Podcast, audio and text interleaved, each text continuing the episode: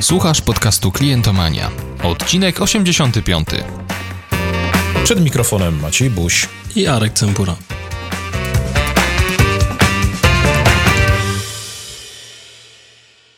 Dzień dobry, dzień dobry. Witamy w 85. odcinku podcastu Klientomania. Cześć Arku. Cześć Macieju, dzień dobry, dobry wieczór się z Państwem, bo jak zwykle nie wiemy kiedy tego słuchacie. Arek z Wrocławia.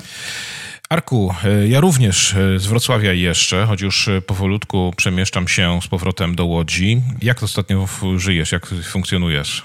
Dobrze, staram się szukać nowych wyzwań, staram się przewartościować swoje dotychczasowe doświadczenia, zobaczyć, które się przydają, które się nie przydają. No, jakby ukułem sobie ostatnio tako, taki termin zawsze tak robizmu i staram się z nim walczyć. Zresztą wiedziałem, że walczę z nim na co dzień, a teraz jeszcze bardziej z nim walczę. Słuchasz podcastu Klientomania.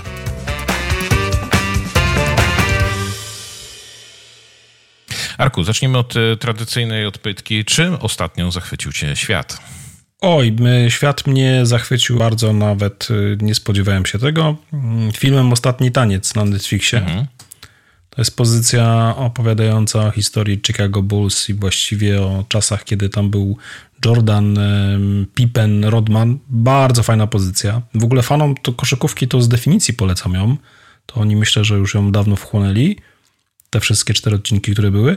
Natomiast w ogóle polecam ludziom zobaczyć, jak czasami pewne drobne takie zawiści wpływają na jakość tego, co wytwarza cały zespół.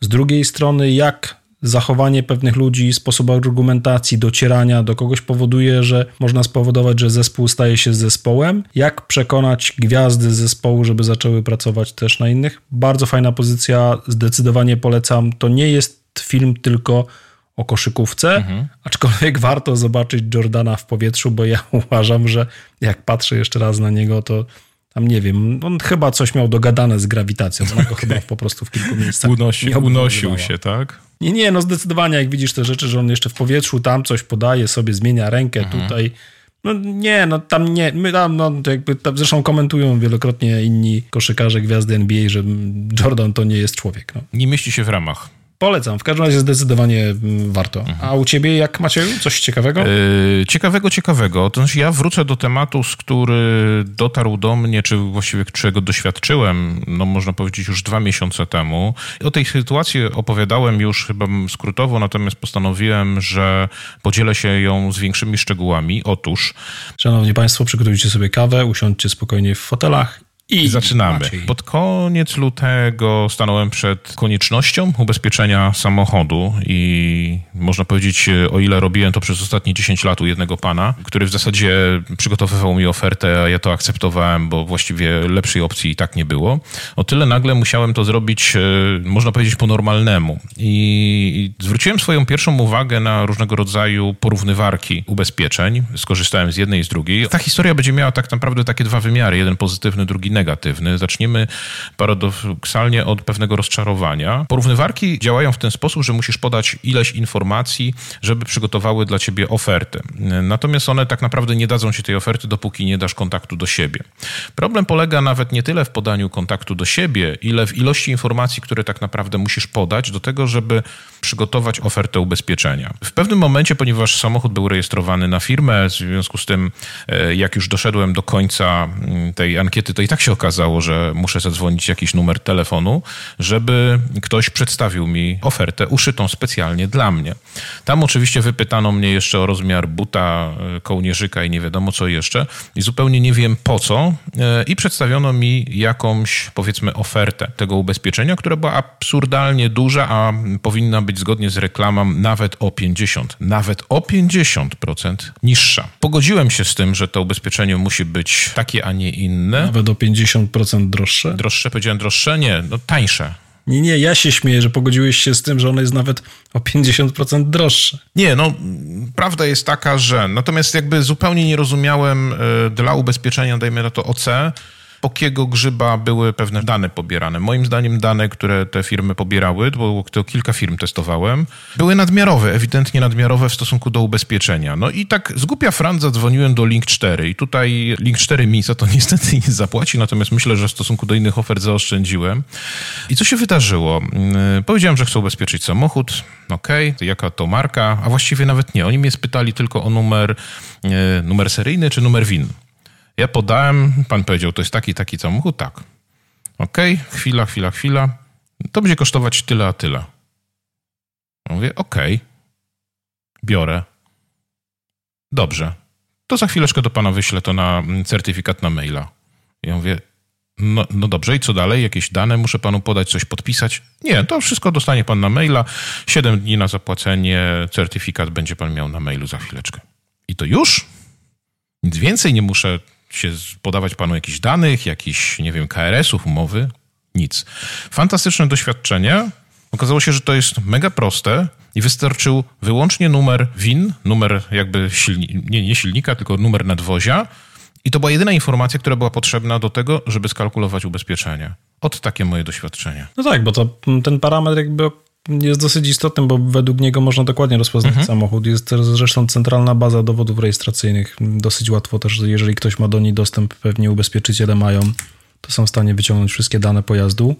Zresztą też dzisiaj jest taką zaletą, że ty tego dowodu papierowego możesz ze sobą nie wozić, bo policja jak cię zatrzyma, to sobie szybko sprawdzi. Także spokojnie możesz się odbywać bez niego. Natomiast to, co mówisz, dzisiaj też się pojawia parę fajnych rozwiązań. Widziałem w tym miesiącu właśnie takich ubezpieczeniowych, gdzie skanujesz ten kod Aztec mhm. z dowodu rejestracyjnego, co powoduje, że też już nie musisz przepisywać tych wszystkich innych parametrów. Natomiast to, co powiedziałeś, jeżeli są centralne bazy, z których można skorzystać, to dlaczego z nich nie korzystać? Natomiast te dane nadmiarowe, pytanie, czy to są dane nadmiarowe, czy te dane zostaną użyte do czegoś innego, żeby za chwilę nie wiem, dostarczyć ci super ofertę czegoś, czegoś innego, nawet o 50% taniej. Tak, nazwałem, dlatego nazwałem je nadmiarowymi danymi, nie dlatego, że y, one były potrzebne czy niepotrzebne do tego, czy nie zostaną wykorzystane, czy zostaną, tylko dla mnie, dla potrzeby ubezpieczenia, numer WIN był jednym z podstawowych numerów, który był oczywiście mm, pobierany, natomiast pozostałe informacje dla ubezpieczenia OC były totalnie nieistotne bo to jest ubezpieczenie, które można powiedzieć zero-jedynkowe, to znaczy tam ubezpieczasz... Tak, to jest ubezpieczenie samochodu, którym się poruszasz, dotyczy ciebie, więc tylko jest kwestia sprawdzenia, czy ci się przysługują tak, jakieś oce, oce, po prostu, jest Jedynym parametrem jest tak naprawdę, czy to jest... Yy, nie jestem tutaj ekspertem, ale zdaje się, że to jest pojemność silnika i to jest rodzaj samochodu i to są dwa parametry, które wpływają na cenę. Reszta, yy, jaki ma przebieg, jakie ma inne rzeczy, zupełnie, zupełnie, że tak powiem, nie wpływają na to, na cenę ubezpieczenia ostatecznie kupowaną ubezpieczyciela. Y, koniec kropka, aczkolwiek... Jak się w dobrych czasach mówiło w restauracjach, reszty nie trzeba. Mm -hmm. Dobrze, ale tak jak mówię, nie chcę się tu wypowiadać. Y, polecam tego typu doświadczenie przede wszystkim, że to było takie proste, i w zestawieniu z reklamą, która, która w telewizji co chwilę nam wyskakuje, no to okazuje się, że, że właśnie co informacja wprowadzała w błąd, no właśnie. No, to już kiedyś na ten temat rozmawialiśmy. To jest pytanie, czy tam masz gwarantowane, czy nawet do. Mm. Pewnie zdarzają się takie oferty na jakieś e, samochody. Jeżeli nawet w tej ofercie jest jeden samochód, który ma tą szansę na zniżkę 50%, no to ta informacja jest w pewien sposób prawdziwa. No, nie możesz jej zarzucić. Ona też jest jakby takim elementem zachęcającym, a nuż ty jesteś posiadaczem tego szczęśliwego samochodu, który gwarantuje ci ubezpieczenie nawet o 100% mhm. mniej. Myślę, że to jest temat na pewien odcinek e, podcastu kolejny. To jest temat rzeka. Klientomania. Ręczymy za słowa. Przejdźmy do dzisiejszego tematu i zaczniemy od historii, ponieważ my w Klientomanii bardzo lubimy historie, szczególnie inspirujące historie. Szukałem bardzo mocno źródeł e, tej historii, więc e, przytoczę ją z pamięci, bo niestety nie znalazłem. Wyglądało to w ten sposób. Rzecz dzieje się bodajże w latach 50. Pewien amerykański miliarder podczas porannego joggingu postanowił wstąpić do swojego banku. To znaczy nie swojego banku, którego był właścicielem, tylko tam, gdzie miał ulokowane swoje pieniądze. I inne pewnie sprawy. E, chciał sprawdzić stan swojego konta, czy pewne papiery, które tam były pozostawione. To nie były jeszcze czasy, kiedy była bankowość internetowa, nie było telefonów komórkowych, jakby odwiedzenie placówki bankowej było elementem obowiązkowym. Wszedł do banku tak jak biegał, czyli w dresie, spocony, sportowym obuwiu. Jeszcze jedną wa ważną rzecz, na którą trzeba zwrócić uwagę, to były czasy, kiedy u wejścia do banku nie stał ochroniarz z karabinem, tudzież z laską, tylko to był ktoś w rodzaju odźwiernego, który witał klientów i tak dalej. Natomiast. Taki concierge. Taki concierge. Właśnie nie wiedziałem, czy użyć tego słowa. Natomiast co się stało? Się nazywało, no. Jakby yy, nie został on obsłużony tak jak zwykle, kiedy przychodził do banku, tylko tak naprawdę został uznany jako osobę niepożądaną w tym miejscu, niepasującą w tym dresie do tego miejsca. Wyszedł z tego banku, wrócił następnego dnia ubrany jak zwykle w drogi garnitur i Zlikwidował wszystkie swoje konta i zabrał wszystkie lokaty, a było tego kilka dobrych milionów dolarów. I pytanie na dzisiaj: czy szata zdobi klienta? Jakie jest Twoje zdanie, Arku? To jest bardzo dobre pytanie, a przechodząc jeszcze do tej twojej historii a propos likwidowania kiedyś konta w banku i przenoszenia do innego banku, to ja swego czasu czytałem taką książkę, w tej chwili nie pamiętam autora, dotyczącą marketingu strategicznego i tam był fajny przykład dotyczący właśnie przenoszenia konta kiedyś, mhm. że z reguły jak chciałeś otworzyć konto w innym banku, to doradca z tamtego banku dzwonił do twojego obecnego banku i pytał, co z tobą nie tak. Mhm. Więc y, pewnie temu panu milionerowi czy miliarderowi było znacznie łatwiej zmienić ten bank i go przenieść, natomiast też kiedyś to takie dosyć łatwe nie było. Mhm. Natomiast tak, temat dotyczący szaty klienta Myślę, że każdy z nas ma jakieś takie doświadczenia, które powodują, że gdzieś tam weszliśmy i zostaliśmy obsłużeni całkiem inaczej niż na przykład do tej pory, albo w ogóle potraktowano nas prawie jak, e, nie wiem, element zbędny. Pamiętam swoje doświadczenia tam jakoś z młodości, kiedy chodziłem kupować swoje pierwsze garnitury i to też tak panie patrzyły na mnie, co ty tu robisz, e, człowieku. Tak, dla mnie kupienie tego garnituru wtedy, którego potrzebowałem do pracy, do czegoś było niezłym wyzwaniem, a potem już przychodziłem w tym garniturze po następny i naraz się okazało, że cała jakby, wiesz, optyka tego miejsca się zmienia, że o, dzień dobry, w czym mogę pomóc i tak dalej. Więc yy, tak, wydaje mi się, że ta szata, którą mamy i to taka szata, tak jak powiedziałeś, fizyczna, mhm ona dalej jest, ona dalej się jakby trzyma tych wszystkich naszych zachowań i niestety my jako ludzie sprzedający często nie potrafimy pozbyć się czego, pozbyć się pewnych e, przyzwyczajeń, pewnych odniesień widząc kogoś, kto ma jakąś torbę w takie dziwne wzory, które nosi pół świata kobiet e, i, i uznajemy, że akurat tą panią trzeba obsłużyć inaczej niż jakąś panią, która wyszła bez takiej super torby. Mhm.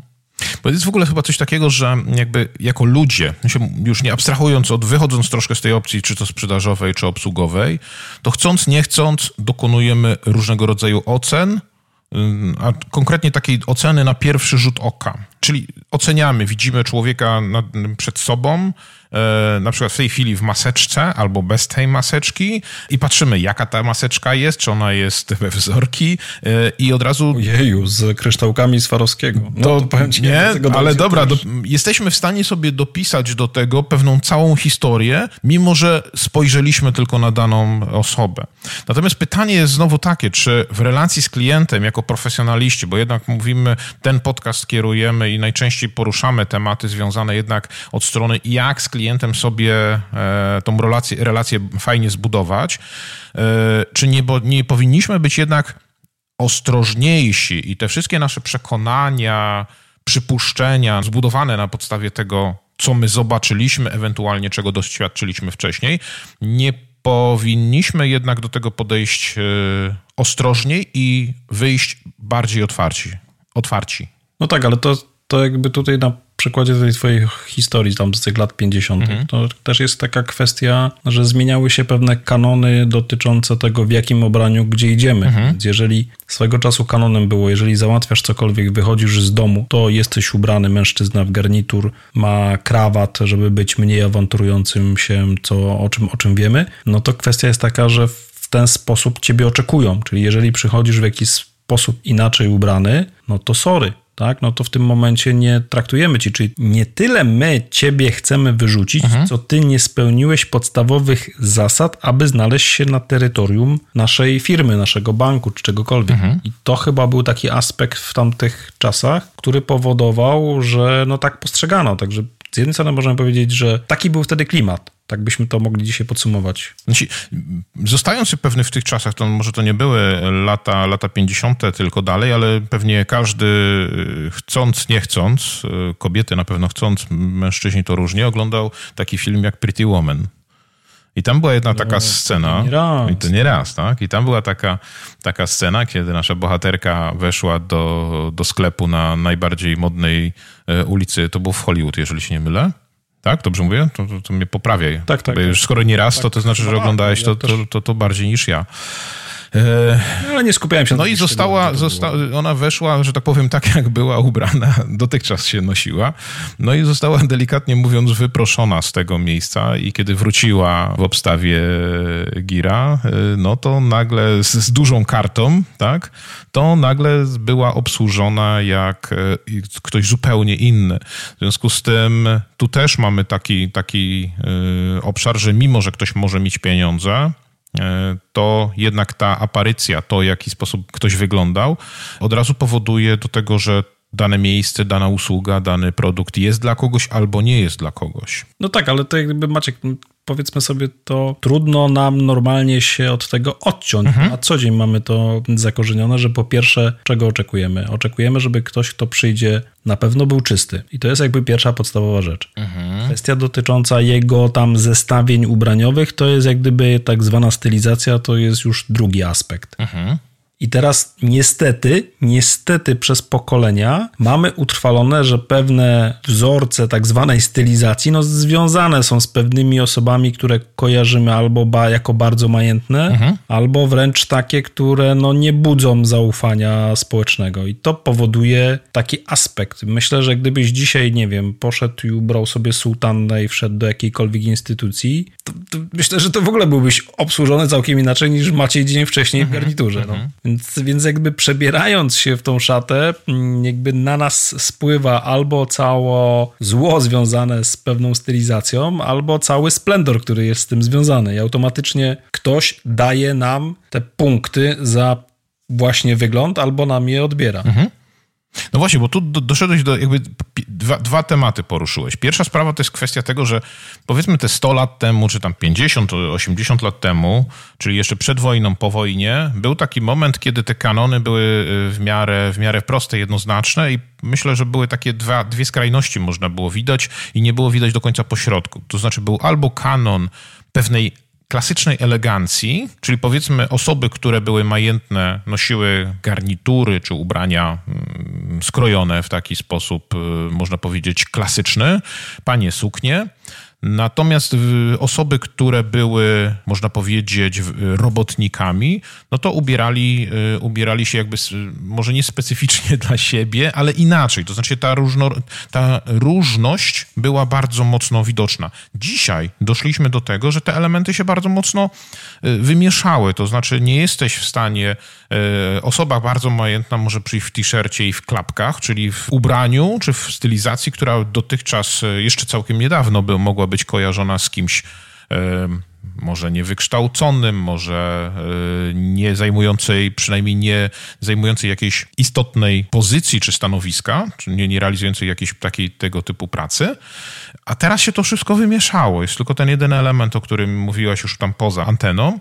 To jest kwestia, jakiej marki jest ta koszulka, tak? Dajmy na to, ten t-shirt, czy, czy No tak, ale teraz klapki. powiedziałeś tak, Powiedziałeś o tych rzeczach dotyczących, że kiedyś jakby było to rozróżnienie na tych ludzi, których było stać na pewne ubrania i oni na co dzień chodzili, mhm. czyli nawet po domu chodzili e, w takim ubraniu, w ten sposób i na takich, których nie było stać. Natomiast popatrz, tak naprawdę przez te mm, lata kiedyś mocniej był zakorzeniony na przykład krawat u mężczyzn. Mhm. Cokolwiek by się nie działo, nawet jeżeli nie masz e, super marnarki, nawet jeżeli masz koszulę z krótkim rękawem, nawet jeżeli coś, to jak idziesz na coś, co jest poważne, to ubierasz krawat. Mhm. To był taki element dotyczący właśnie takiego aspektu jakby podkreślenia, że ty tam aspirujesz, że ty chcesz się pojawić i przez to już jak gdyby traktowano cię trochę, trochę inaczej. Więc to jest jakby taki aspekt, który mm, dzisiaj trochę mniej zaczyna już być istotny. Właśnie to za chwilę, mm, to co powiedziałeś, tak? Czyli my zmieniamy swoją stylizację ubierania się. Ja nie wiem, czy nie nastąpiło trochę takie jakby uproszczenie tego ubierania się, czyli taka moda z ludu naraz aspirowała do tych mm, tak zwanego ludu, do tych wyższej klasy. Mhm. Ale to, co powiedziałeś, tak, potem ktoś przychodzi w klapkach, tylko to są klapki, nie wiem, bossa, a koszulka to tam jakaś też logo na nim jest jakiś krokodylek i ta koszulka normalnie wygląda jakby była, przepraszam, psu z gardła wyjęta, ale ona kosztowała swoje. Mhm, mhm. I teraz kwestia jest taka, co się dzieje z punktu widzenia znowu osoby, która obsługuje tą osobę. Tak. Czy ta osoba kiedyś miała proste kanony, tak? Mhm. Wchodził w garniturze i tak dalej, w krawacie chciał coś załatwić, mhm. tak? Załatwialiśmy, wychodził. Wchodził inaczej, do widzenia, pana dzisiaj nie obsługujemy. A teraz wchodzi taki gościu, Znamy przykłady zresztą wielu takich ludzi, którzy tam potem się chwalą, że nie wiem, do banku poszli w bluzie i jeszcze kaptur zarzucili na głowę, bo jakby chcą walczyć z pewnymi stereotypami. Mhm. No okej, okay, walczą z pewnymi stereotypami, ale z drugiej strony pytanie, czy to jest tego typu dobra walka. Ale znowu ktoś wchodzi i teraz y, ten doradca już przez pewne stereotypy on nie wie, jak cię obsłużyć. No i on zaczyna tu trochę co? Gubić się. I teraz pytanie, czy właśnie ta szata jest dobra, czy po czym tak naprawdę spowodować, że musimy umieć ocenić, no niestety, wartość klienta mm, dla firmy, a z drugiej strony, żeby tego klienta, nawet jeżeli dzisiaj jego wartość z punktu widzenia przychodów nie jest tak duża, mhm. obsłużyć prawidłowo, a nie potraktować go jako zbędnego elementu. Klientomania, ręczymy za słowa.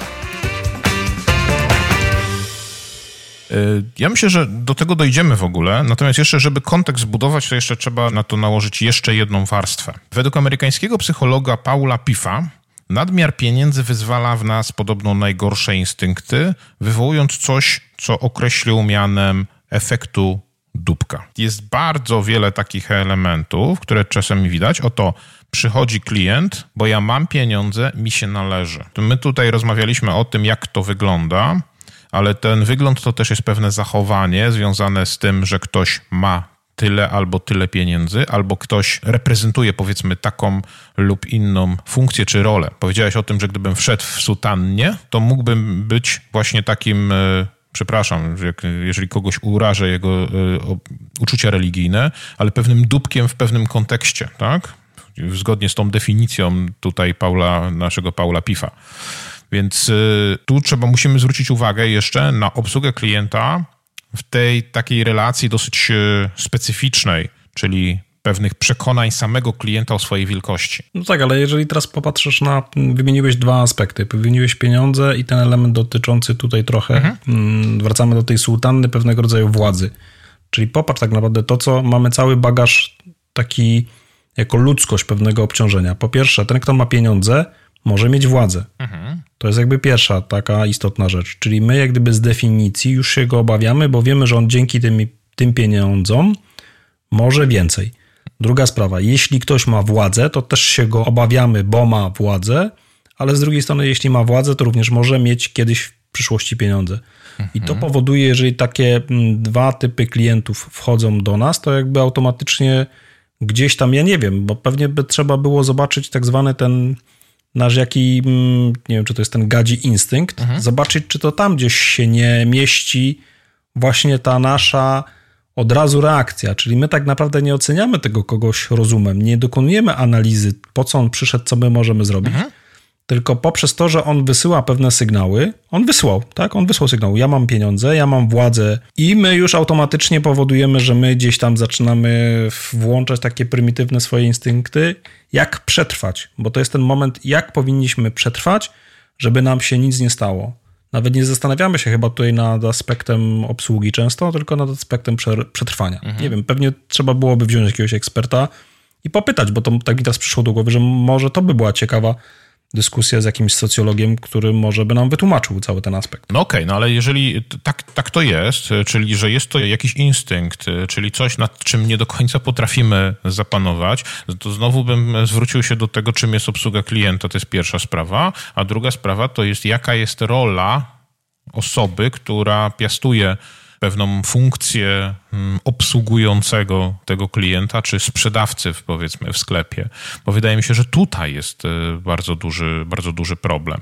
Bo mm, No rola jest taka, że musisz faktycznie tym ludziom pomóc y, właśnie mhm. wyzwolić się chyba z tego momentu, w którym ten instynkt przejmuje kontrolę. No właśnie. Czyli to jest jakby taki aspekt, po którym oni powinni mieć taki, nie wiem, sygnał, że a słuchaj, aha, coś, dobra, dobra, to, to ja teraz muszę wziąć głęboki oddech mhm. i już za chwilę, okej, okay, wróciłem do swojej roli. Nie wiem, tak to, tak to sobie wyobrażam, mhm. no bo jak, jak, jak inaczej. Mhm.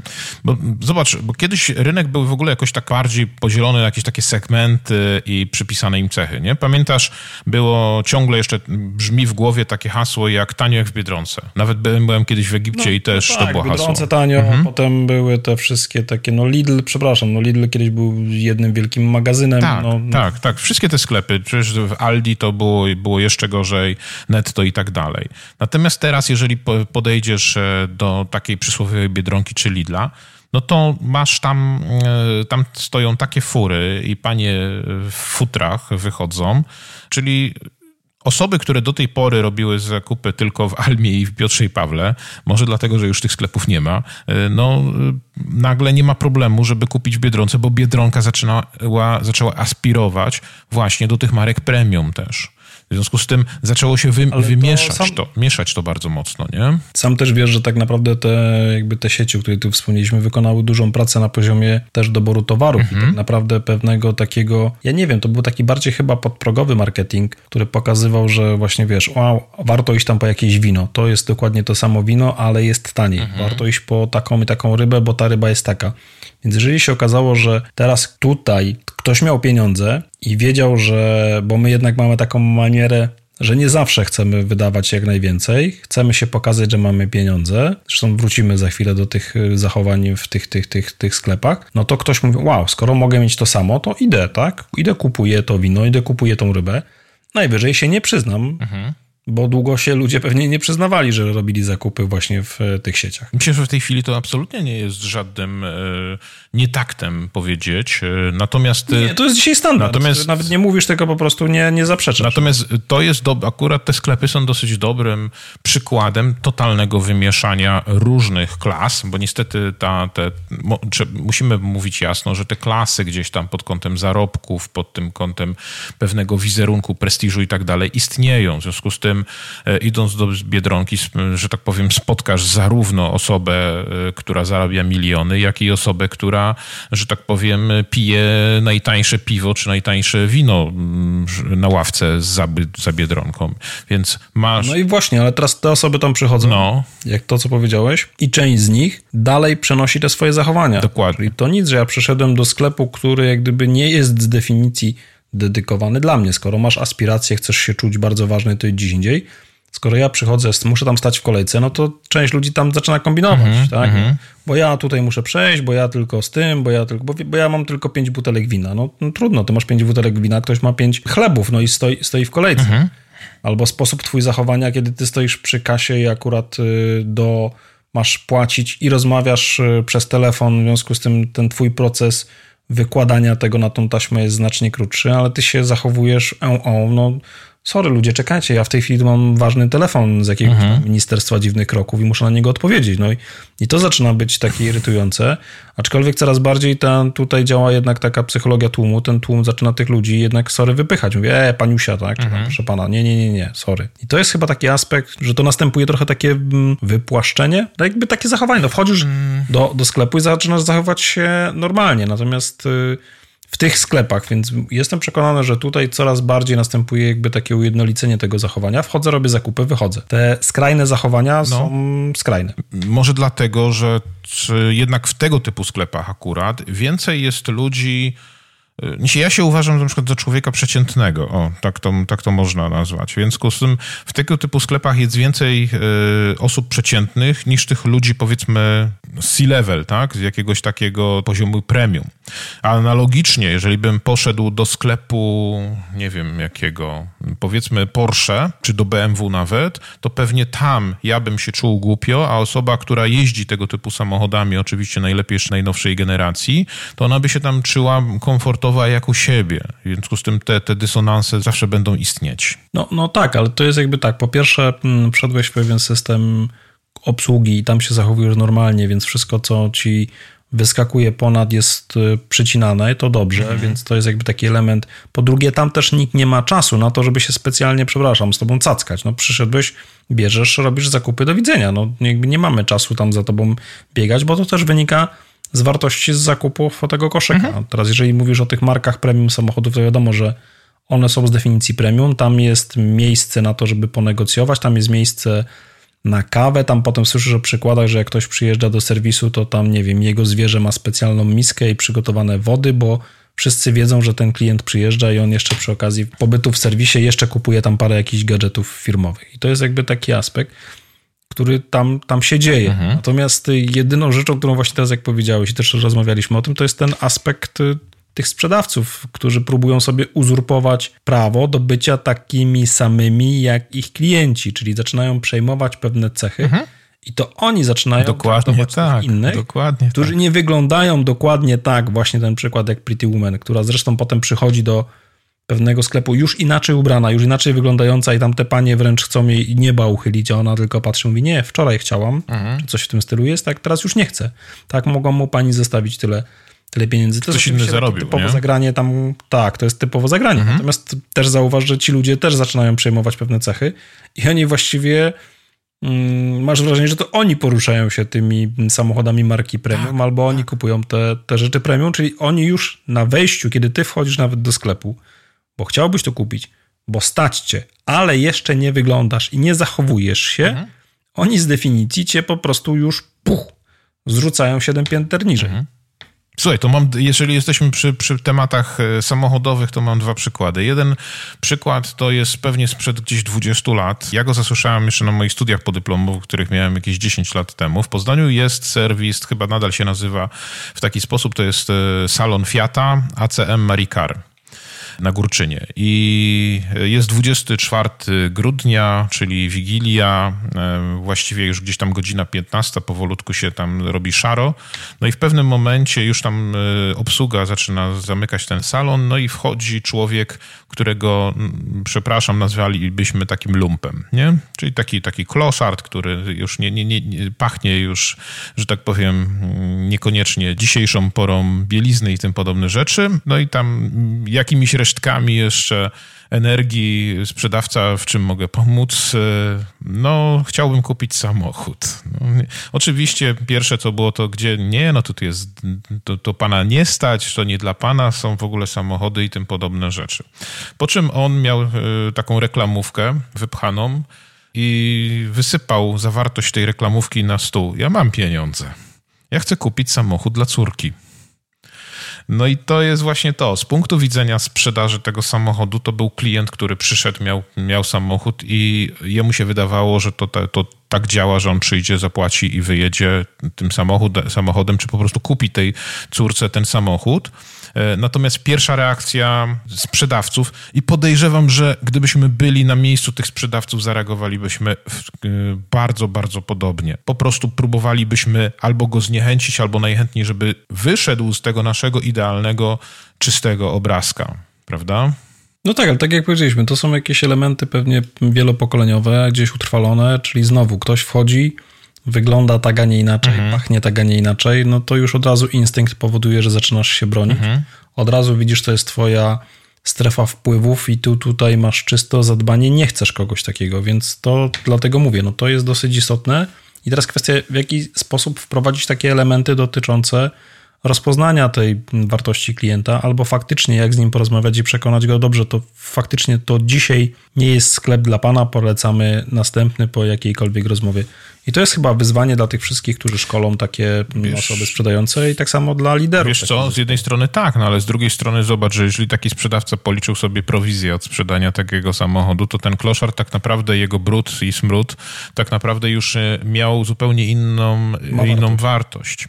Natomiast jeżeli jesteśmy przy samochodzie i trochę sytuacja bardzo podobna do Pretty Woman, e, to jest taka historia króciutka opisana w, na temat, załączymy ten artykuł do, w notatkach. Recepcjonistka w salonie premium y, poprosiła jednego z doradców, y, żeby przygotował jej kalkulację takiego samochodu, no i zrobił dla niej, czy żeby ona się mogła przejechać takim samochodem, wypróbować go. No i ten doradca ją, tak powiem, wyśmiał, że to jest drogi samochód, że ją nie stać i w ogóle. No ona, że tak powiem, mm, domyślam się, że, tak powiem, schowała, jak to się ładnie mówi, uszy po sobie, ale za kilka dni podjechała nowiutkim samochodem marki premium, tylko że no już innej marki tak, pod ten salon. Co się okazało, że ona y, była żoną bardzo bogatego człowieka, pracowała jako recepcjonistka, bo nie chciała siedzieć w domu. Więc y, to jest kolejny taki przykład na różnego rodzaju przekonania i na, też na utracone szanse mimo wszystko, przez to, że... No i chyba to, co mówisz, to są jakby utracone szanse. Jak powinniśmy rozpoznać, że to jest jakby szansa? Mhm taka na, nasza, tak? Taka nasza w ogóle na klienta dzisiaj jednorazowego być może, a może na wielorazowego.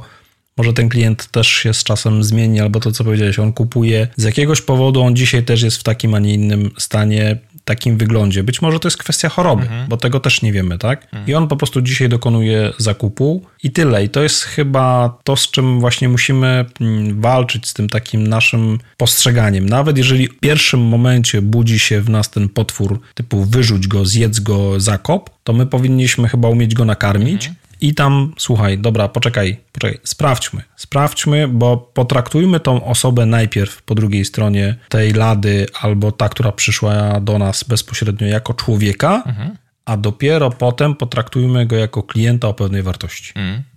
No tak, ale ty mówisz e, o tym, w jaki sposób przygotować. Ja myślę, że to jest temat firmy, to jest firmy jakby kwestia marki.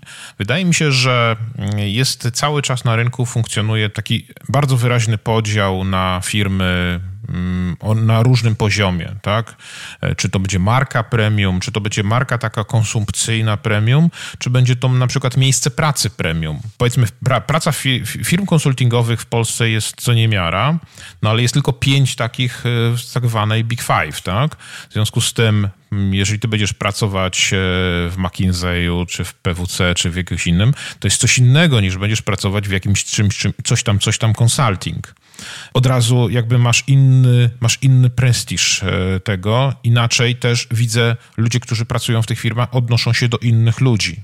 Nie masz takiego wrażenia? Ale tutaj pozwól, że ci przerwę, bo przypomina mi się też z książki Marka Zmysłowskiego, zresztą naszego gościa w klientomanii, gdzie, gdzie rozmawialiśmy o różnych rzeczach dotyczących tego, co się dzieje z marketingiem w szeroko pojętej Afryce. I tam jest w tej książce bodajże takie fajne hasło, że Marek o sobie pisze bardzo Długo podziwiał ludzi w dobrze skrojonych, drogich garniturach, mhm.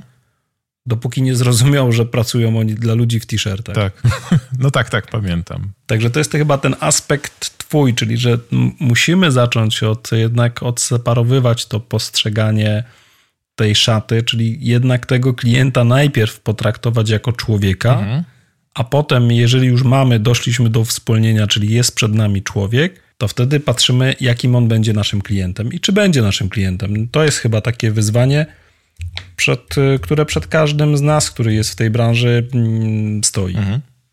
Jeszcze ja mam taką trochę obserwację, jestem akurat w trakcie lektury książki y, Simona Sinka, czy Simona Sinka, zaczynaj od dlaczego. Książka, która właściwie dosyć, y, dosyć dużo się o niej mówi, natomiast ja teraz do niej dopiero, można być, dotarłem. E, I mam z niej e, kolejną historię, która mam nadzieję da pewien punkt, e, jeszcze inny punkt widzenia, ale z jednej strony też pewne rozwiązanie. Ja na ten, do tego odcinka przygotowałem, jak widzicie, dużo historii. Oto następna. Christina Harbit pracowała... Historyk z ciebie się zrobił. A, jeszcze raz? Taki historyk się Historyk, dobrze, nie histeryk. Okej, okay, panna Christina pracowała w agencji windykacyjnej i zauważyła, że ludzie, z którymi pracowali, kiedy siadali do swoich obowiązków, stawia, stawali się zupełnie innymi ludźmi. Na co dzień byli dobrzy, byli bardzo mili, byli pomocni, e, byli normalnymi, przyjaznymi ludźmi. Natomiast w kontakcie z dłużnikiem krzyczeli na nich, grozili, poniżali ich. I co więcej, e, kiedy ona weszła w to środowisko, sama zorientowała się, że zaczęła się dokładnie tak samo zachowywać. I w pewnym momencie postanowiła, że to, czy właściwie zauważyła, że to nie jest zupełnie zgodne z jej e, przekonaniami, jak to powinno wyglądać. Źle się czuła w tym, więc założyła własną agencję, w której również odzyskiwała należności, ale w inny sposób. Postanowiła, że będzie robić to w zgodzie ze sobą. Oczywiście cała branża krytykowała to, że to się nie uda, że to jest nie, nie, niemożliwe. Natomiast okazało się bardzo szybko, że rezultaty pracy jej zespołu były wyższe o 300%, czyli trzykrotnie była, była skuteczniejsza w tym, co robi. Co więcej, klienci wracali do firm który, z którymi mieli tam ten problem finansowy. I to pokazuje tak naprawdę, że powiązanie na poziomie firmy, czyli tej idei, dlaczego powiedzmy ci klienci, ci pracownicy traktują tak swoich klientów, a nie inaczej, wpływa ostatecznie na to, w jaki sposób ci pracownicy będą ostatecznie e, te relacje prowadzić. Czyli ktoś na górze, ten założyciel, musi przede wszystkim zdefiniować, pokazać na swoim własnym przykładzie to swoje synkowe dlaczego. Właśnie zastanawiałem się, jak y, przejdziemy do drugiej części naszej rozmowy, mhm. którą sobie gdzieś tam zbudowaliśmy i to jest, ta historia jest dosyć fajna, bo ona po pierwsze tak, pokazuje nasze nastawienie, które powoduje, że jeżeli mamy przed sobą już pewną kategorię klientów, mhm. co do których wiemy na bazie doświadczeń, że coś działa, to my się zaczynamy tak zachowywać. Ale teraz popatrz to, co powiedziałeś zaczynamy obsługiwać klienta, którego nie widzimy. Mhm. I to jest jakby ten aspekt, który mamy dzisiaj w tych naszych czasach e, cyfrowych, czyli tak naprawdę w wielu miejscach coraz częściej obsługujemy klienta, którego nie, nie widzimy. Mhm. I teraz co się dzieje z klientem, którego nie widzimy? Czy ten klient również ma szansę na to, żeby mieć e, swój ubiór? Mhm. I jeśli ma ten swój ubiór, to jak go mogę że wykorzystać? Bo my teraz rozmawiając z kimś przez telefon, nie widzimy jego cech, tak? Nie widzimy jego zegarka, nie widzimy jego butów, nie widzimy niczego. Możemy sobie tylko pewne rzeczy sami wyobrazić. Mhm. Druga sprawa, jeżeli to jest klient sklepu internetowego, również my wiemy tylko o nim tyle, co kupił i jaki ma adres, pod który należy mu dostarczyć tą przesyłkę.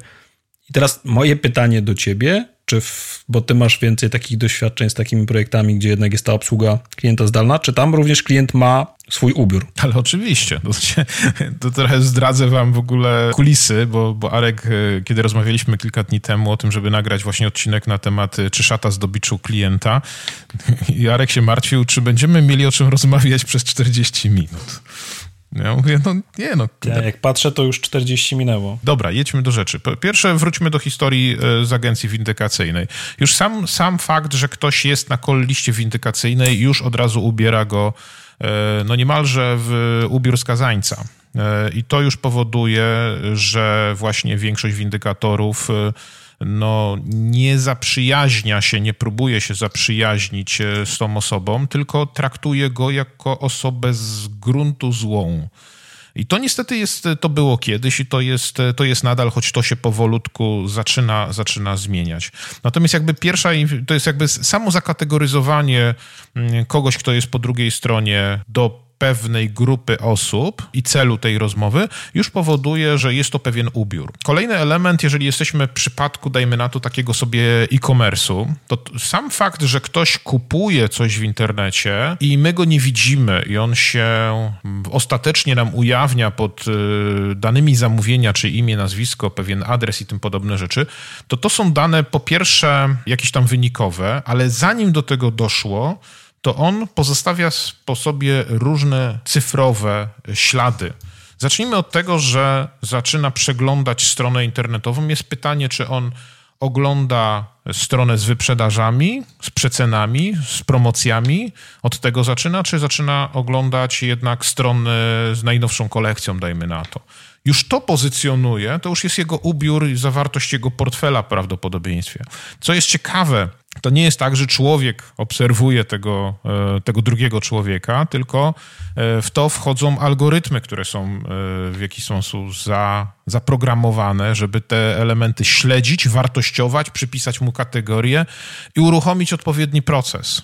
Natomiast jesteśmy ubrani właśnie w swoje różne swoje działania, ślady, które po tych działaniach zostawiamy, więc tych danych, tych znaków jest co niemiara.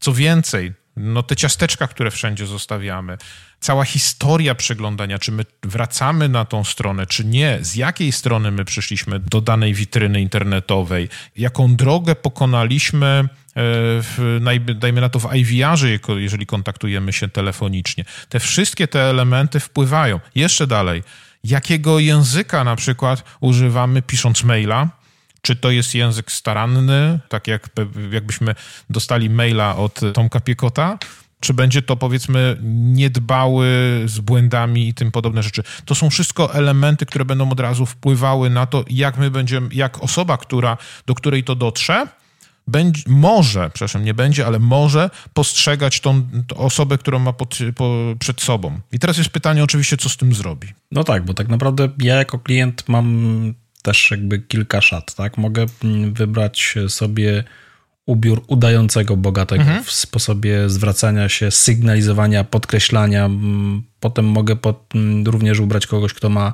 władzę albo jest blisko tej władzy i też mogę podkreślać w trakcie takiej rozmowy, czy też korespondencji wszystkie moje takie atuty, które z tego tytułu wynikają.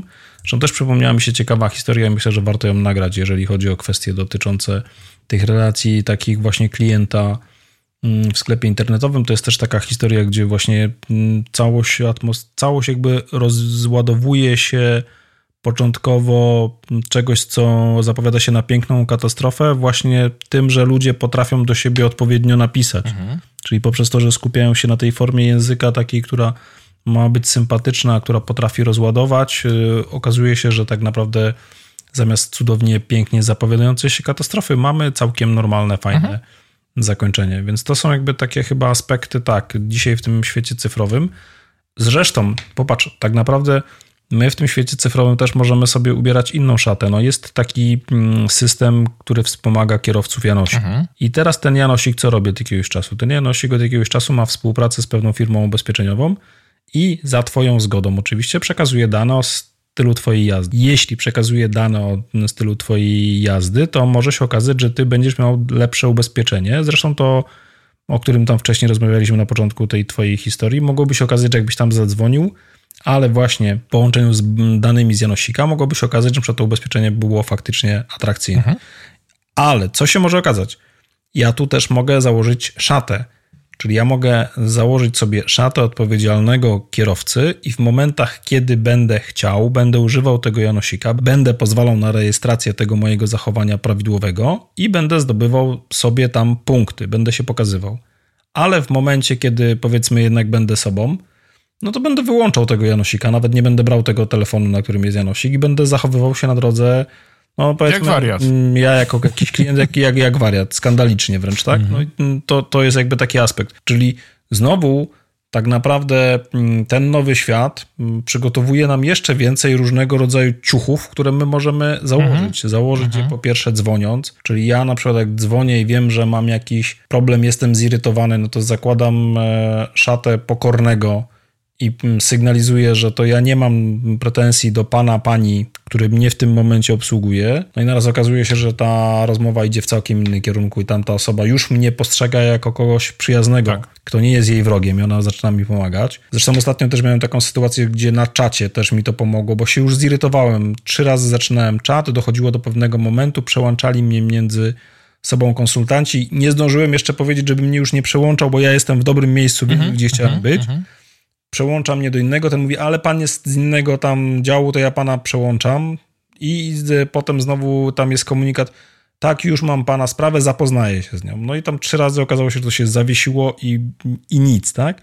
No to znowu ja ubrałem tą swoją szatę tego mm, pokornego, dążącego do porozumienia i przy szóstym przełączeniu napisałem, że jest już pani szósta, więc tracę cierpliwość, ale jeszcze poczekam. Na co pani jakoś przyjęła w tym stylu, powiedziała, to mam nadzieję, że już będę, będę ostatnią osobą e, tego dnia. No i okazało się, że potem właśnie, wiesz, to spowodowało po mojej stronie też pewne uspokojenie się. No i zaczęliśmy wymieniać pewne informacje. No i faktycznie tam gdzieś po 20 minutach doszliśmy do rozwiązania. Wszystko się okazało, że jak najbardziej jest rozwiązane, dokładnie tak jakbym oczekiwał.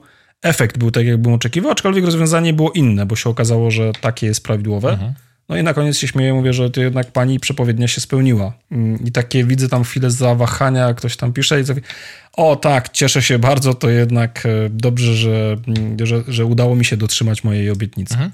No i to są jakby takie aspekty, czyli ja jako klient też w tych dzisiejszych czasach mam szansę ubrania sobie jakiegoś ciucha z mojej tam właśnie takiej szafy zachowań. Wiesz co, i to się dzieje, to znaczy, jeżeli my chcemy coś e, osiągnąć, e, czy to jako klienci, no głównie jako klienci, to my faktycznie jesteśmy w stanie zmienić swoją postawę, swoje normalne zachowanie. Jeżeli wiemy, że coś zadziała, to możemy to nazwać manipulacją, możemy nie, natomiast faktycznie fajnie nazwałeś to właśnie pewnego ciuchu, ciucha, tak?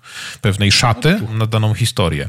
Natomiast ja pamiętam jeszcze wiele, wiele lat temu była tak, były takie organizowane, to była taka ogólnopolska bodajże ankieta towarów i usług. Y, ankieta czy badanie. To była taka wielo, wielostronicowa ankieta, określająca mm, różnego rodzaju preferencje dotyczące, y, trochę kwalifikująca właśnie ciebie do różnych y, poziomów czy kategorii y, klientów. Czy jesteś klientem premium i tym podobne rzeczy. Ja kiedyś sobie tak wypełniłem to na zasadzie troszkę bardziej klienta aspirującego, mimo że zupełnie nie pasowałem.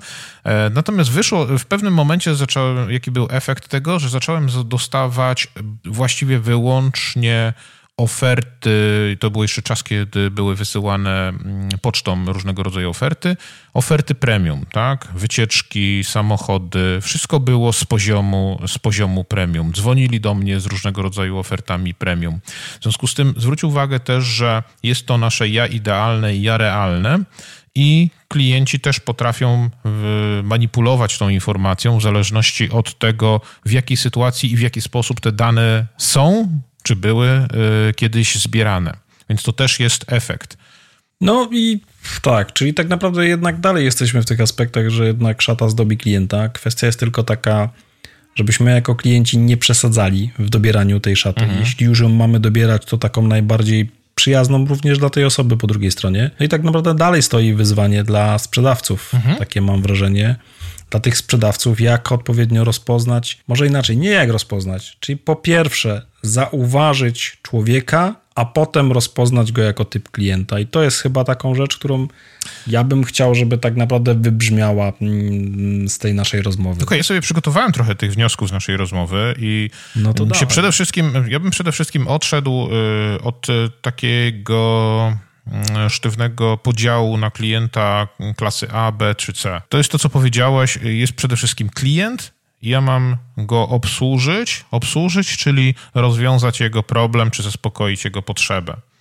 Oczywiście nie za wszelką cenę, to też jest dosyć ważne, natomiast y, kluczem tak naprawdę nie jest y, człowiek, który jest po drugiej stronie, tylko tak naprawdę jego problem. Oczywiście w kontekście tego klienta. I żeby to zrobić dobrze, to za Simonem Sinkiem tu powtórzę, żeby zawsze zaczynać od swojego dlaczego. Swojego w tym momencie na poziomie, zacząłbym od, od poziomu firmy, czyli dlaczego firma w ogóle funkcjonuje, robi, czyli dla kogo jest, mm, jaką ma ta wyświechtana misja, wizja yy, i halucynacja, jak niektórzy jeszcze dodają, czyli po co tak naprawdę firma jest i yy, jeżeli większość firm, która cokolwiek produkuje, czy przede wszystkim już sprzedaje, ona po, na końcu tego łańcucha pokarmowego ma klienta.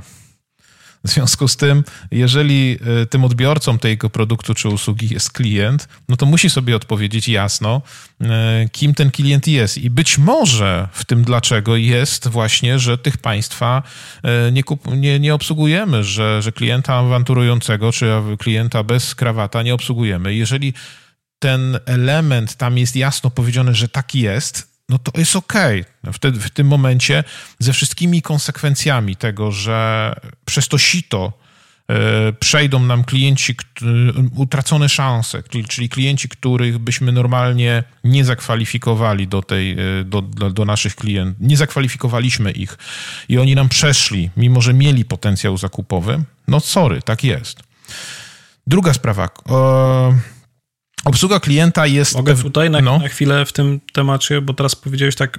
Z jednej strony zgadzam się z Tobą, żeby nie kategoryzować tych klientów A, B i C, Natomiast z drugiej strony, no musisz, ale musisz chyba ich pod kątem nie tego, że tego klienta nie obsługujemy, bo on przyszedł w dresie mhm. albo przyszedł mhm. w czapce, tylko kwestia jest taka, że jeżeli teraz tego klienta rozpoznaliśmy, to po prostu nie mamy dla niego oferty. I to jest jak gdyby hmm. chyba aspekt, tak? Czyli powinniśmy w procesie obsługi każdego traktować jako człowieka. Mhm. Natomiast kwestia jest taka, czy my dla ciebie faktycznie dzisiaj mamy ofertę. Czy ty dzisiaj no mówiąc brutalnie, kolokwialnie, czy ciebie stać na to, żeby tutaj dzisiaj u nas y, kupić, albo czy nas stać na to, żeby dostarczyć ci usługę, którą dostarczamy za jakieś inne pieniądze. Arek, ja bym do tego podszedł jeszcze troszkę inaczej. To jest jeden z kolejnych moich punktów.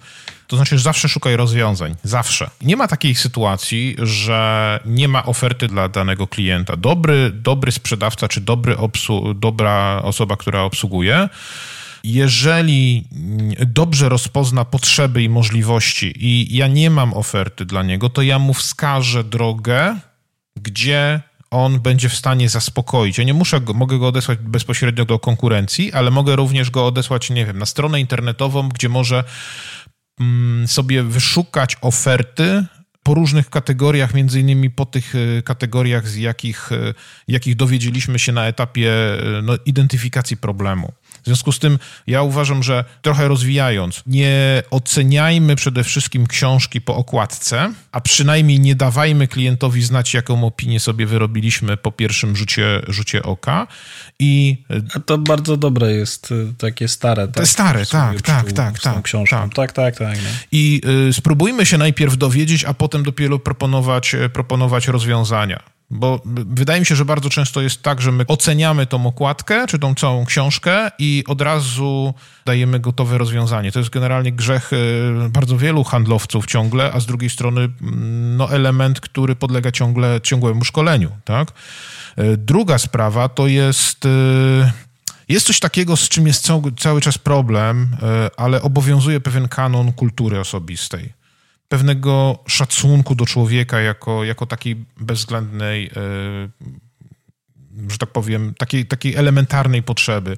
Cały czas spotykam w sklepach, jeżeli przychodzi osoba starsza, Wiesz, ja mam, ja mam przynajmniej coś takiego, że dla osoby starszej, niezależnie od sytuacji, w jakiej on jest, to, to jemu się po prostu należy szacunek z racji, z racji wieku. Ja muszę mu pomóc e, w jakiś sposób.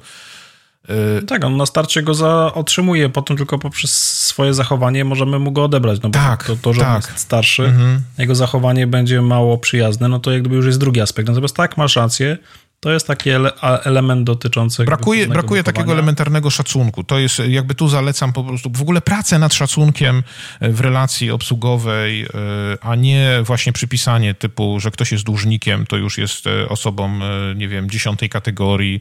Zło. Jeżeli ktoś. No, mi się to podobało, to myślę, że też jakby, że z gruntu zła. Mhm, mhm. E, co tu jeszcze mam? No oczywiście nie pal mostów, szczególnie na początku, nie? Czyli to, żeby się nie, e, no żeby jednak nie tracić szans, chyba, że tak jak wracamy do no, punktu... To jest to, co moje powiedzieliśmy, rozpoz... najpierw zacznie od człowieka. Tak, tak, tak, tak, tak. Przyjmij, że po i tu jest człowiek, a dopiero potem zobacz, jaki to jest twój klient. No i chyba ostatnim takim punktem to jest wszystkich klientów traktuj równo. To znaczy z punktu widzenia osoby, która sprzedaje czy obsługuje, szczególnie osób, które obsługują, czy, czy no, obsługuje też sprzedażowo. No, powiedzmy, nie próbujmy wartościować, z tego względu, że inni klienci też to widzą, jak my traktujemy innych, inne osoby. I znowu tam, odnosząc się do różnych filmów, możemy zaobserwować takie, takie sceny, gdzie osoba, która jest w garniturze, jest y, obsługiwana z dużo większym szacunkiem, y, jakością i tak dalej. Podchodzi ktoś, kto jest ubrany inaczej i już ten wzrok jest y, wzrokiem zabójcy niemalże, tak? Że ktoś, kto... I zresztą są badania też na ten temat, że jeżeli podejdzie osoba, która jest ubrana w garnitur i poprosi o mm, pożyczenie pieniędzy, to jesteśmy skłonni bardziej e, te pieniądze mu pożyczyć, niż podszedłbyś powiedzmy w zwykłym, t-shircie. Więc te, ta szata jednak, niestety ostatnio, na, na, na koniec dnia musimy powiedzieć, że szata zdobi klienta, zdobi człowieka i wpływa na nasze emocje i na nasze decyzje. Zresztą a propos tego, co powiedziałeś, ten ostatni przykład, tak mi się nasuwało, że tak naprawdę na takich zachowaniach, które my robimy, reagując na ubranie, na pewne zachowanie, na pewne słowa, no bazują oszuści. Jest tak naprawdę oszuści, którzy na mhm. co dzień nas, bo jakby oni już wiedzą, że mogą pójść pewną, pewną drogą, więc to też jest jakby taki inny aspekt, taki, który mi się trochę tutaj na, nasunął. Może jeszcze średnio związany z tematem, ale to też. No ale jeżeli odniesiemy ciekawie. się do tego, że traktujmy klientów równo, no czyli każdego tak samo odpytajmy, czy zweryfikujmy, zidentyfikujmy jego potrzeby, czy sytuację i znajdźmy rozwiązanie, to w tym momencie się ustrzeżemy. Natomiast jeżeli zaufamy tylko dlatego, e, że ktoś powiedzmy jest w drogim garniturze albo właśnie przyszedł bez butów e, i od razu mu na, przykleimy pewną łatkę i damy rozwiązanie, e, które do tej pory mieliśmy w głowie dla danej łatki, no to właśnie możemy albo popaść, e, popaść w kłopoty, bo podjęliśmy decyzję nietrafną z punktu widzenia no, biznesowej, czyli ktoś nas oszuka, e, albo w drugą stronę utracimy jakąś szansę. Ale teraz jeszcze tylko jedno mi przyszło do głowy, że jeżeli teraz chodzi o pewne symbole albo oznaki tego, że przez to będę lepiej mm, obsłużony, które, które ja, ja wysyłam albo które ze sobą mam, mhm to też powoduje, że dosyć łatwo przenieść tą wiedzę na wszystkich innych swoich znajomych mhm. i powiedzieć, słuchaj, jak pójdziesz tam i będziesz miał, nie wiem, taki zegarek albo takie buty, no to jest szansa, że to kupisz e, taniej albo cokolwiek innego jeszcze dostaniesz. No tak jakby automatycznie ci sprzedający też zaczynają sobie sami na siebie co? Jakby mm, zakładać pułapkę, no bo w tym momencie dosyć taka informacja szybko rozejdzie się jakimś gronie i teraz ci wszyscy ludzie, aha, okej, okay, no to ja muszę iść teraz tak. No i no, następuje produkcja mhm. pewnych ludzi o, o, pewnych cechach, którzy przychodzą i dokładnie się tak zachowują. To nie, że oni tą cechę mają na chwilę. Mhm. Na chwilę sobie ubrali tą, mhm. tą, szatę, tą szatę klienta trudne jest, trudne jest, no, tu jest temat obsługiwania tak, ludzi. Yy, to znaczy, tu jest temat, co, ja, mi się wydaje, że, że obsługi tego klienta jest bardzo prosta. Ja cały czas to powtarzam, że ona co do zasady, co do zasady jest, jest prosta, bo jest to odpowiedź na pewne potrzeby. Pewną przeszkodą, którą nosimy w sobie i noszę ją sam, podejrzewam, że ty też tego nie zostawiasz w domu, to są pewne przekonania i nasze wcześniejsze doświadczenia. Im więcej tych doświadczeń mamy, tym one nam bardziej trochę ciążą przy kolejnych osobach, przy kolejnych y, doświadczeniach, bo y, um, to są takie sytuacje, które nas gdzieś tam próbują z jednej strony zabezpieczać, są drogą na skróty, pewnym bardzo dużym uproszczeniem. Natomiast jeżeli byśmy w takim idealnym świecie funkcjonowali i spotkali się z pytaniem, na które mamy udzielić odpowiedzi w taki rzetelny sposób, typu rozpoznanie problemu, a następnie znalezienie rozwiązania, no to obsługa klienta w takim idealnym świecie jest bardzo prosta. Nie mówię, że jest to czynność, e, która nie wymaga wysiłku, ale ona jest prosta co do, co do swojej konstrukcji. No ale ona ma proste założenie. Najpierw człowiek, potem typ klienta. I, ja, ja bym nawet typ klienta tak zostawił w ogóle, wiesz co, ja uważam, że bardzo ostrożnie bym podchodził do tych typów klienta i tych wszystkich szkoleń. No tak, ale ja mówię, dobrze, uprościłem no. w sensie typ klienta, bo jak gdyby wiesz jakby na bazie mm, albo ofertę, którą mm. możesz mu przedstawić i teraz też chyba często jest to, co mówimy, że popełniamy taki błąd y, przybliżenia, typu chciałbym obsługiwać wszystkich y, tak, jakby mnie obsłużono. Mhm. Może się okazać, że ja mam, nie wiem, zawyżone tak. standardy, co powoduje, że jak gdyby już na definicji, z definicji obcinam pewne aspekty. Albo może mam zaniżone, to też powoduje, że zachowuję się zbyt służalczo, a tego, tego nie powinno być. Więc to jest chyba taki aspekt, tak naprawdę, no podsumujmy, zobaczyć człowieka, a potem to, co może powiedziałeś, tak, a potem dostosować do mhm. niego ofertę, czy ją masz, czy jej nie masz. Jeśli jej nie masz, no to przekazać mu informację, że oferta, która może być dla pana wartościowa, znajduje się tam i starać się unikać dyskusji, to co pan myśli, że mnie na to nie stać. Mhm. No, nie myślę, tylko przedstawiam panu najlepsze rozwiązanie, które dzisiaj mam. Mhm. To tak chyba tyle mi na koniec. I tu postawmy kropkę albo wielokropek, bo w najbliższym czasie opublikujemy y, odcinek o kliencie bogatym, czyli troszkę rozwiniemy ten temat, spróbujemy się zastanowić, kim klient bogaty jest i będę rozmawiał o tym z człowiekiem, który pracuje na co dzień z osobami, można powiedzieć, najbogatszymi w tym kraju, e, ale nie sprzedając. Osoby, które są w garniturach czy w t-shirtach? Mm, e, Myślę, że w garniturach, myślę, że mimo wszystko w garniturach, ale zostawmy to, zostawmy to na jeden z najbliższych e, odcinków, być może już następny. Mm, Ale tak jak mówię, tu postawmy na razie, na razie kropkę. Arku, pięknie dziękuję Ci za dzisiejszą rozmowę. E, Tak jak widzisz, e, 40 minut nam nie starczyło, a myślę, że jeszcze ten temat nie jest wyczerpany. Ale to chyba dokładnie z zasadą nie wyczerpujmy tematu, bo dajmy tutaj naszym słuchaczom takie miejsce do tego, żeby znaleźli swoje rozwiązanie. To chyba, co my staramy się tutaj zrobić, to podzielić się naszym doświadczeniem, przekazać pewne inspiracje. Ciągle czekamy z utęsknieniem, zaglądamy na te skrzynki mailowe, na te listy pochwalne od Was, albo może nawet listy negatywne. Piszcie do nas. Pi- piszcie do nas, będziemy zadaj... czytali, Tak, za- będziemy to przeglądali, będziemy Wam odpowiadali. Brakuje nam Was. Tak. Chociaż widzimy, że nas słuchacie, widzimy po statystykach, e, że no praktycznie jest was coraz więcej, bo coraz więcej nas, nas słuchacie, co nie ukrywam, że bardzo nas cieszy. Natomiast cieszyłoby mnie jeszcze bardziej to wejście w taką interakcję e, jeden do jeden, e, czy jeden do wielu wręcz. E, Więc e, zapraszamy, jeżeli chcielibyście rozwinąć te tematy, e, to dawajcie śmiało nam znać. Jesteśmy otwarci do tego, na to, żeby rozmawiać, rozmawiać również z Wami, o Was, o Waszych potrzebach, e, o Waszych wyzwaniach. Także piszcie śmiało, e, kontakt do nas znajdziecie na stronie klientomania.pl. Jak zwykle wszystkie notatki do tego odcinka, wszystkie linki do, do informacji, do artykułów, do materiałów, o których wspominaliśmy w tymże odcinku znajdziecie pod adresem klientomania.pl łamane przez 85 jak 85 odcinek tego podcastu. Trzymajcie się, cześć. Subskrybuj podcast Klientomania w swoim telefonie, żeby mieć dostęp do każdego nowego odcinka. Więcej na klientomania.pl